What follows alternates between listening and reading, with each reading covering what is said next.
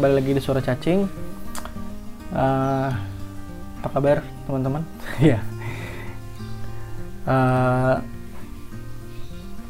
tentang podcast belakangan ini, setelah kemarin setahun gitu kan gue ngerjain podcast gitu terus ngelihat oh, gimana ya gitu ternyata apa yang gue dapet tuh bukan tentang diri gue sendiri gitu akhirnya maksudnya oke okay, gue dapet self improvement walaupun nggak signifikan ya dengan apa yang gue lakukan terhadap uh, podcastan ini. Kayak gue nggak bener-bener menggali skill buat uh, mengkonsep terus um, bikin production yang bagus gitu terkait uh, di episode-episodenya. Tapi ternyata dari sana gue belajar tentang uh, dari orang lain gitu bukan dari gue sendiri. Kayak ngelihat oh gimana sih orang gini-gini improve kayak segala macam gitu.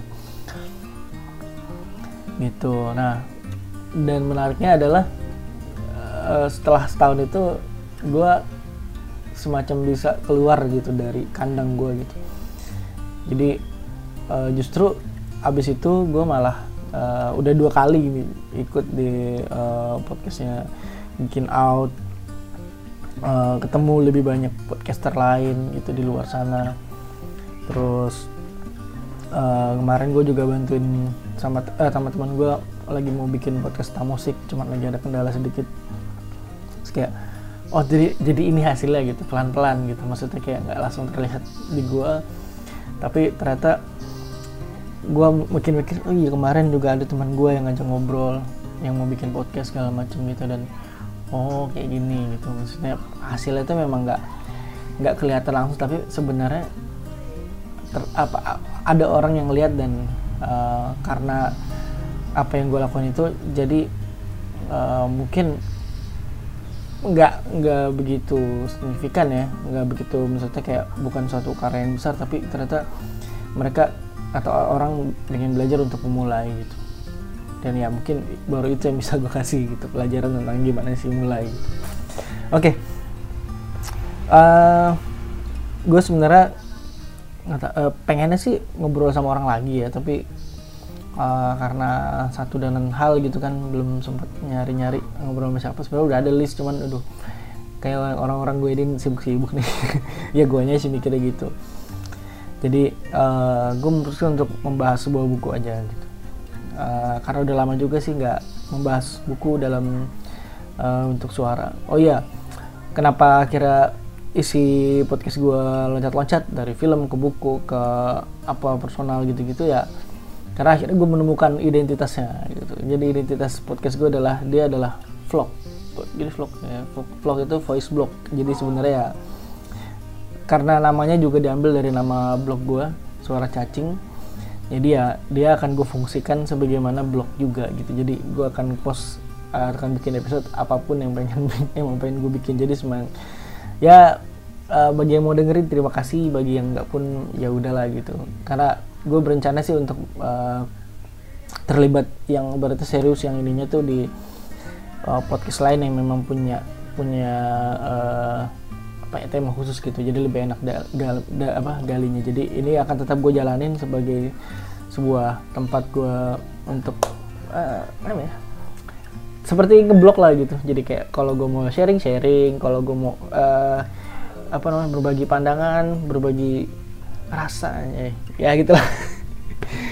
Ya jadi paham lah ya intinya. Jadi jangan berekspektasi tinggi tinggi lah terhadap podcast suara cacing ini. Oke di sini gue udah ada sebuah buku gitu kan. Uh, buku ini agak unik ya sebenarnya. Waktu pertama gue tahu juga di medsos gitu kan dari penulis penulisnya jadi penulisnya ada lima orang. Mereka bikin semacam satu apa ya kumpulan gitu ya kumpulan tulisan gitu. Judulnya sel selfish. Selfie uh, selfie yang foto gitu terus dalam kurung sh selfish. Jadi kayak apa namanya ya tentang egoisme gitu tentang uh, keakuan gitu. Nah yang uniknya dari buku ini di, pertama dari packaging sih packagingnya unik banget. Uh, kalau lu penasaran mungkin lu bisa cari atau lihat cover gua akan taruh sih cover uh, di podcast ini. Itu dia uh, diplastikin gitu. Terus dalam itu kepisah-pisah tulisannya ter, uh, di apa dengan masing-masing penulis satu buku gitu. Kayak zin bentuknya kecil uh, gedenya juga sebesar A5 dan dijetrek biasa gitu bukan dijilid tapi menarik banget. Nah ini ada lima penulis. Uh, gue akan coba bacain satu-satu. Dari yang paling gue suka ya. Uh, terus gue akan mungkin bacakan kutipan satu satu atau dua kutipan dari uh, tulisan dia.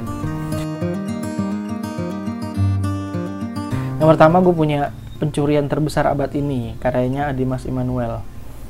Uh, ini yang paling gue suka dari lima ini.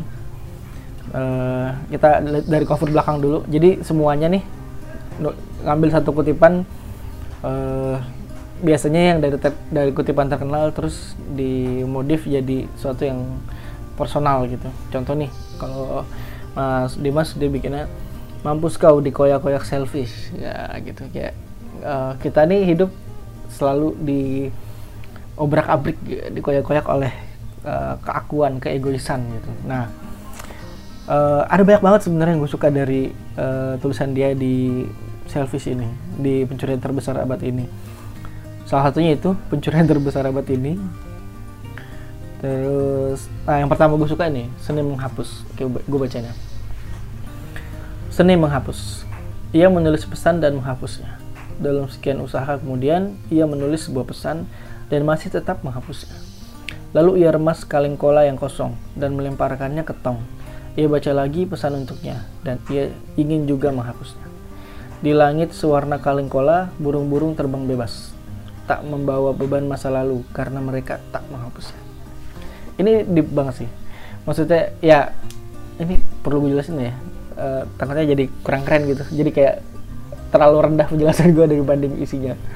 Jadi intinya kadang untuk bisa uh, lepas dari beban masa lalu tuh bukan dengan dihapus gitu bukan dengan dilupakan tapi dengan berdamai. Ya ya, ya gitulah intinya. Itu bagus banget. Ada yang judulnya usaha rintisan. Ini juga bagus tapi nggak gue bacain aja. Sama ada yang pernah gue upload juga di instastory ini bagus banget ini judulnya aku berjanji esok akan jadi orang lebih baik. Dan isinya tahu gak apa? Isinya adalah kumpulan link. Tapi link itu ber bersambung gitu. Maksudnya kayak lo bisa menangkap sebuah cerita dari kumpulan link yang mirip kayak daftar pustaka gitu loh kayak bener-bener satu halaman tuh isinya link uh, tautan gitu kan ya. Pertama misalnya http www.forbes.com sites Jules uh, Crowder 2016 09 08 millennials this is what your quarter life crisis is telling you.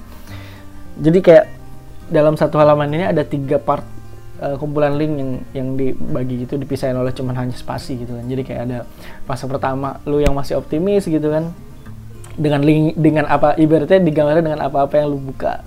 Fase kedua lu mulai realistis. Fase ketiga mungkin lu udah mulai uh, halu gitu. Nah itu lucu banget sih sumpah itu dan yang paling gue suka lagi adalah uh, pengenalan penulis ya. Biasanya kan kalau di buku itu ada di bagian akhir ada uh, tentang penulisnya kan. Nah ini bangsat banget nih mas Dimas nih. Bikin uh, tentang penulis itu bangsat. Gue bacain ini harus gue bacain. Adimas Immanuel. Tak kenal maka tak apa. Saya tidak tahu mesti mengawali apa untuk memenangkan diri tapi rata-rata penulis memulai bagian tersulit dari menulis buku ini dengan nama dan tanggal lahir.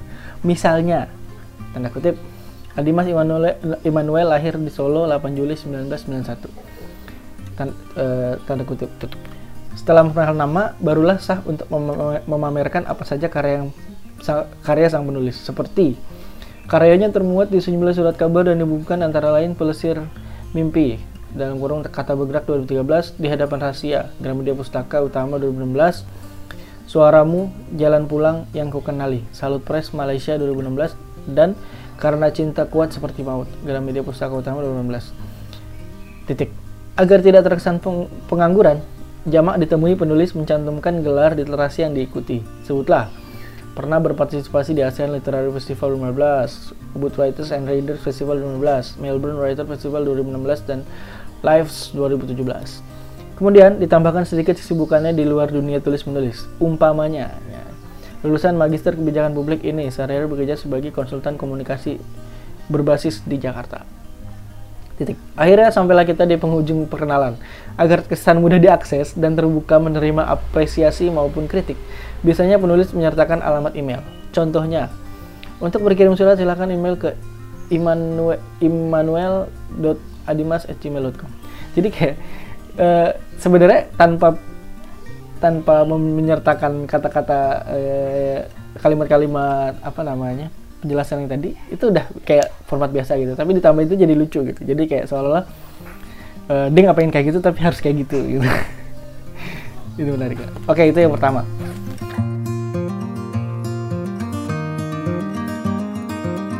Yang kedua uh, judulnya ini buku yang kedua ya.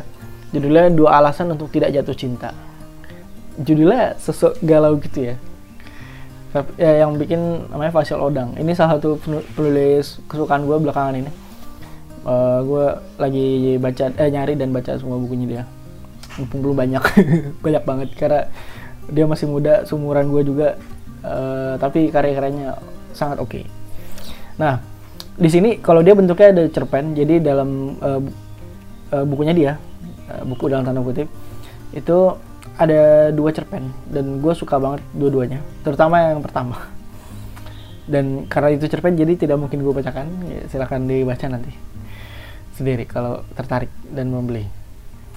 Nah kalau kutipan belakang covernya dia adalah tidak ada selfish yang tak retak. Ya, jadi kayak se egois egoisnya kita tuh pasti juga ada celahnya. Ada celah untuk akhirnya kita ya tidak bisa untuk hanya memikirkan diri sendiri gitu. Yang gue saranin sih eh gue saranin sih. Maksudnya gue sangat merekomendasikan tulisan Sandia. Uh, jadi kayak gue ada temen gitu yang uh, baca bukunya ini dan akhirnya dia nanya eh bagi, bagi ini dong uh, buku-bukunya Faisal Odang yang lain dong. Itu karena uh, dia ternyata senang sama tulisan-tulisan dia tulisan Faisal Odang dan akhirnya pengen tahu buku-buku yang lain dari dua cerpen ini gitu. Nah salah satu cerpennya yang pernah masuk uh, cerpen terbaik Kompas 2017 kalau nggak salah. Itu mau difilmin dan itu cerpennya gila. Judulnya tuh uh, siapa suruh sekolah di hari Minggu. Dan yang main itu yang jadi Sanciki atau Sancaka kecil si Muzakir Ramadan. Nggak tahu sih rilis kapan. Waktu itu udah pernah umuman sih dan itu parah keren banget cerpennya. Oke kita tunggu. Mantap Faisal Odang. Ketiga kita ada Lala Bohang. Nama mungkin yang sudah tidak begitu asing ya karena uh, sudah menulis, banyak-banyak eh, beberapa buku sastra yang cukup uh, terkenal dan laris juga gitu.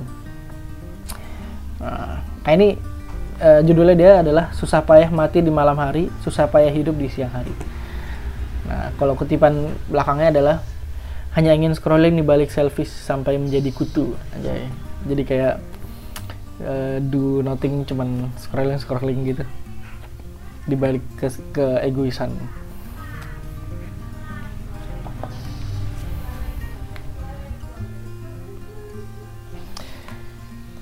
Nah terus uh, kalau nah ini gue yang yang menarik dari konsep tulisan Lala Bohong adalah uh, dia punya kebiasaan. Nggak tahu ini benar atau enggak ya. Dia nulisnya gitu dia punya kebiasaan untuk mencatat uh, apa yang dia makan gitu. Misalnya sarap ha, misalnya tanggal uh, hari uh, Rabu tanggal 24 April 2019 sarapan titik dua pisang makan siang titik dua lontong campur magelang makan malam titik dua ayam geprek level 3 tempe geprek level 3 jadi kayak dia menulis diary tentang apa yang dia makan gitu. Nah uh, gua dia, dan dia bikin ini dalam tujuh tulisan gitu. Jadi kayak ter, tergantung harinya. Misalnya hari Senin dia bikin tulisan tentang apa yang dia makan dan perasaan dan apa yang diungkapkan terus sarapan itu apa terus uh, makan siang apa makan malam apa. nah gue paling eh, salah satu yang gue suka itu di hari Kamis gitu gue bacanya. Kamis. Sudah lama perempuan mengerti kalau hujan tidak punya kuasa untuk menyembuhkan dan senja hanyalah rutinitas langit yang tidak berniat menghibur siapa pun Perjalanan senja menjadi objek maskulin dimulai oleh pria-pria berkumis tipis yang sering lupa berkaca dan keramas. Stevie Wonder juga tahu kalau senja memiliki tiga jenis vagina. Ompong, bergigi, ber, ompong, bergigi taring, dan penghisap darah. Selain itu, fakta yang sudah diperiksa, dua kotak kardus berisi tahu aci panas dikunyah dengan segenggam cabai rawit punya kuasa menyembuhkan hati yang kekurangan asupan cairan empedu. Bukan senja apalagi hujan. Fakta kedua yang harus selalu dirayakan berlebihan.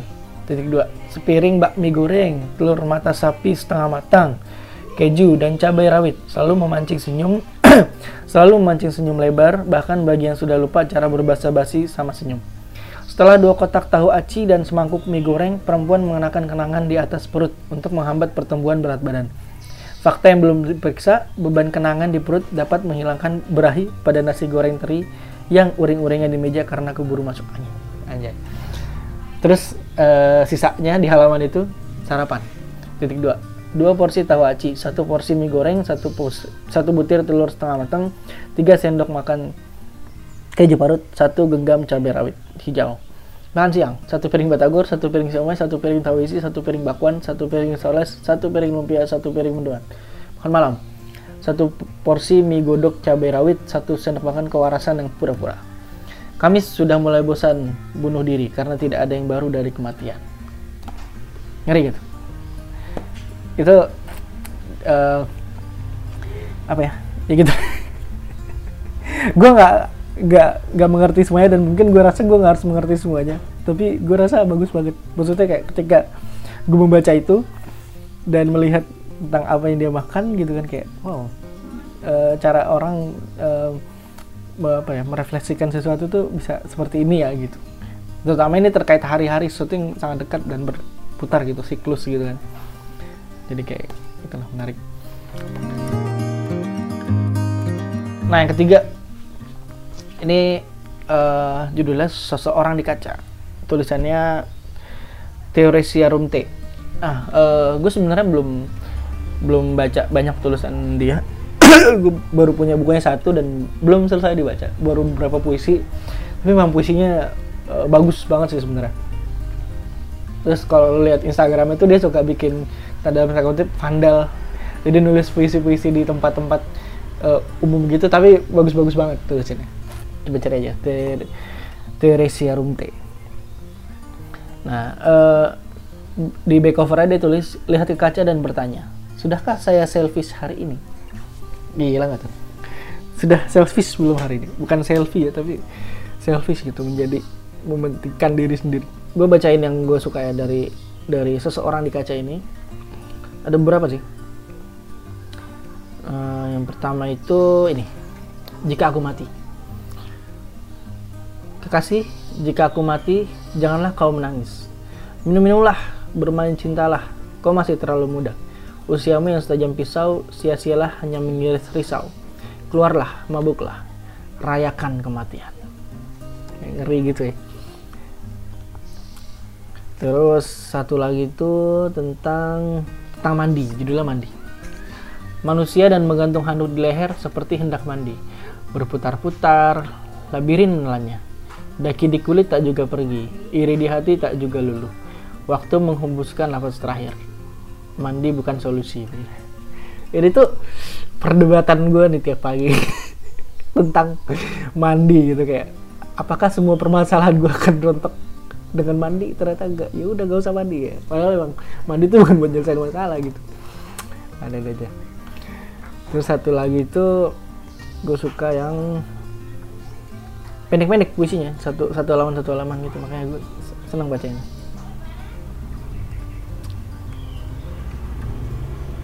oh ini yang yang jadi judul uh, bukunya. Seseorang di kaca. Sepanjang hari oh, sorry. Seorang di kaca. Sepanjang hari ini aku memperhatikan kuku kakiku.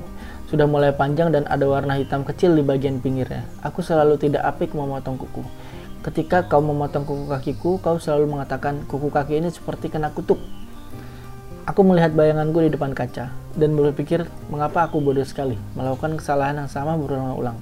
Aku meditasi pagi dan malam mencari ketenangan. Mataku kembali tertumbuk melihat bagian hitam di kuku kakiku dan merasa terjerembab di sana. Aku adalah bagian hitam itu, bayang-bayang muram. Teman yang tidak berguna. tidak mau belajar. Aku mulai rindu sapaan hei di kotak pesan. Bunyi pesan masuknya aku setel beda nada dari pesan lain. Percakapan kita tentang hidup, manja dan kenangan-kenangan dan sorry manja dan kangen-kangenan di telepon. Kata-kata jangan lupa pakai jaket. Kata-kata rinduku tidak sampai. Bukankah setelah dipotong berkali-kali kuku di jari-jarimu tetap tumbuh?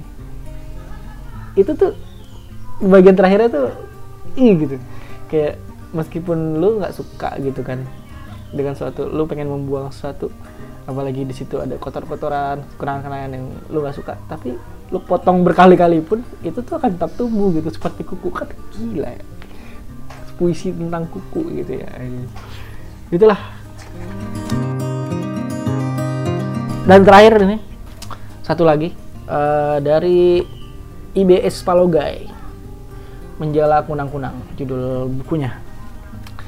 Nah, uh, tulisan belakangnya adalah Cogito ergo selfish. The cards dalam postmortem. Hmm. Jadi ini kayak uh, kutipannya siapa ya? Yang Cogito ergo apa gitu, sum. Gue lupa artinya apa, tapi di edit jadi Cogito ergo selfish. Jadi uh, karena selfish uh, maka aku ada gitu lah kurang lebih artinya Nah, uh, kalau dari kelima ini yang paling kalau menurut gue ya yang paling bentuknya itu puisi gitu. Selain uh, Teresa Rumta itu ini uh, tulisannya Ibe Espalogai sih. Nah yang menurut gue paling menarik justru adalah kutipan lagu, uh, lagu yang diambil nggak tahu lagu nggak tahu puisi yang ditaruh di depan sebelum masuk ke tulisan dia gitu. Kayak nunjukin kalau sebenarnya uh, manusia itu se, se, se apa ya? Se menarik itu gitu ya. Ini gue bacain. Oh my darling oh my darling oh my darling Clementine. You are lost and gone forever. Dreadful sorry Clementine. How I miss her how I missed her how I missed my Clementine. Till I kiss her little, little sister and forgot my Clementine. Oh my darling Clementine. Itu gak tau ya maknanya gini gimana ya. Apakah uh, her little sister itu adalah anak mereka atau anaknya si Clementine? Jadi kayak uh, cintanya itu turun ke anaknya. Atau justru itu adalah uh, gambaran lain kalau dia dia tuh sesayang sayangnya dia sama orang ketika dia menemukan orang lain. Entah itu sama atau beda dengan orang yang dia dulu sukai yang udah pergi selamanya ya dia akan bisa pindah gitu nah itu. Uh, susah nih karena puisinya panjang-panjang dan kayaknya nyambung gitu sih. Nah, tapi gue cari yang gue suka dulu. Nah ini ketemu. Sepasang mantan kekasih duduk di kedai kopi ini lagi. Tempat mereka pertama kali menggumuli rencana ketika cinta masih mampu menegarkan keibaan. Mereka pernah memesan sepasang kopi dan menyusun masa depan, memiliki apa, di mana, dan menjadi apa di waktu kapan segala durasi selesai ditimbang takar. Tetapi masa depan tak disusun seperti batu merah di perapian. Mereka tak punya kayu-kayu yang mesti jadi abu agar bata itu tumbuh menjadi rumah. Cangkir kopi telah lama dibersihkan ketika masa depan memisahkan mereka. Lalu mereka memasang lagi sepasang kopi untuk merayakan perpisahan itu. Ini keren menurut gue. Jadi kayak uh, penggambaran ya realita lah. Kita banyak menemui cerita gitu kan bahwa uh, mereka yang sudah menyusun rencana pun ya bisa jadi tidak belum tentu akan akan menjalaninya gitu dengan orang yang mereka susun bersama itu gitu. Tapi kerennya si puisi ini gambarin bahwa mereka bertemu karena kopi mereka berpisah dengan kopi kayak gitu. Nah, indie banget ya kopi kopi puisi. Tapi ya gitulah. Terus ada satu lagi kayaknya. Ini Kekasih dari kesendirian adalah kunang-kunang yang terusir ke dalam hutan oleh jala waktu yang dibentangkan di antara kepak sayap dan malam yang enggan punah. Aku tebang pohon-pohon remaja dan menjadikan batangnya seikat sampan. Kulayarkan diriku pada jeram, tetapi semakin jauh pula cinta mendayungmu pada tapal dayuku. Sungai yang membelah hutan ini menyembunyikan kunang-kunang di antara rumpun cempaka dan sulur-sulur pada batang kenari Angin alobar mendesir dan cahaya kuning menyisirku ke arahmu. Tapi hutan tak butuh bertemu dengan kata-kata dan hanya cahaya kunang-kunang yang sanggup menerangkan kepada kenangan. Oh, apa yang tak terucapkan tetap tak terucap. Nah, gitu kira-kira. Oke, udah lima-limanya nih. Uh, eh, gue coba apa namanya uh, bacain berapa yang gue suka dan tentang mereka gitu. Uh, senang sekali sih bisa menemukan karya ini menikmatinya bahkan sampai bisa mereviewnya dalam bentuk podcast ini semoga uh, apa ya? Semoga senang. Gak deh ya udah itulah. Uh, semoga kita gue gue sangat optimis ya. Maksudnya uh, gue ba emang baru ngikutin buku-buku uh, sastra tuh mungkin ya kayak zaman kuliah gitulah. Tapi uh, gue seneng gitu banyak penulis-penulis muda yang uh, punya punya gaya yang khas gitu kan kayak uh, seperti kalau yang di sini tuh Adi Mas Manuel, uh, Faisal Lodang atau Lala Bohang yang gue suka banget tulisan-tulisan mereka gitu kan unik gitu. Uh, terus kayak gue akan sangat menunggu sih tulisan-tulisan mereka dan karya mereka dalam bentuk lain gitu.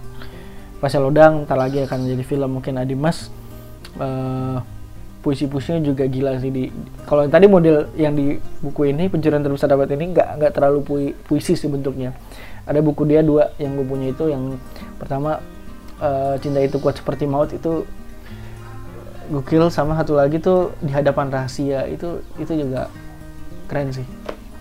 Itu aja kira-kira. Terima kasih yang sudah dengerin sampai sini uh, uh, senang sekali bisa berbagi tentang apa yang gue baca dan apa yang gue suka dari bacaan gue uh, kalau ada umur kita bisa bertemu sapa dalam suara lagi kalau mau nanya-nanya atau mau saran-saran ngobrol-ngobrol bisa di DM ke Instagram gue atau di email uh, suaracacing@gmail.com.